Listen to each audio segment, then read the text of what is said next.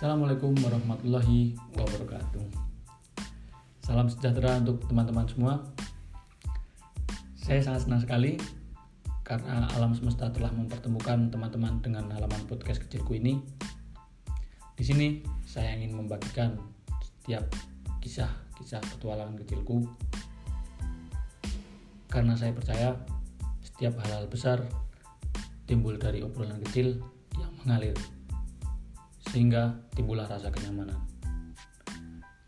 Seperti kata Albert Camus, jangan berjalan di belakangku karena mungkin aku tidak memimpinmu dan janganlah berjalan di depanku karena mungkin aku tidak mengikutimu.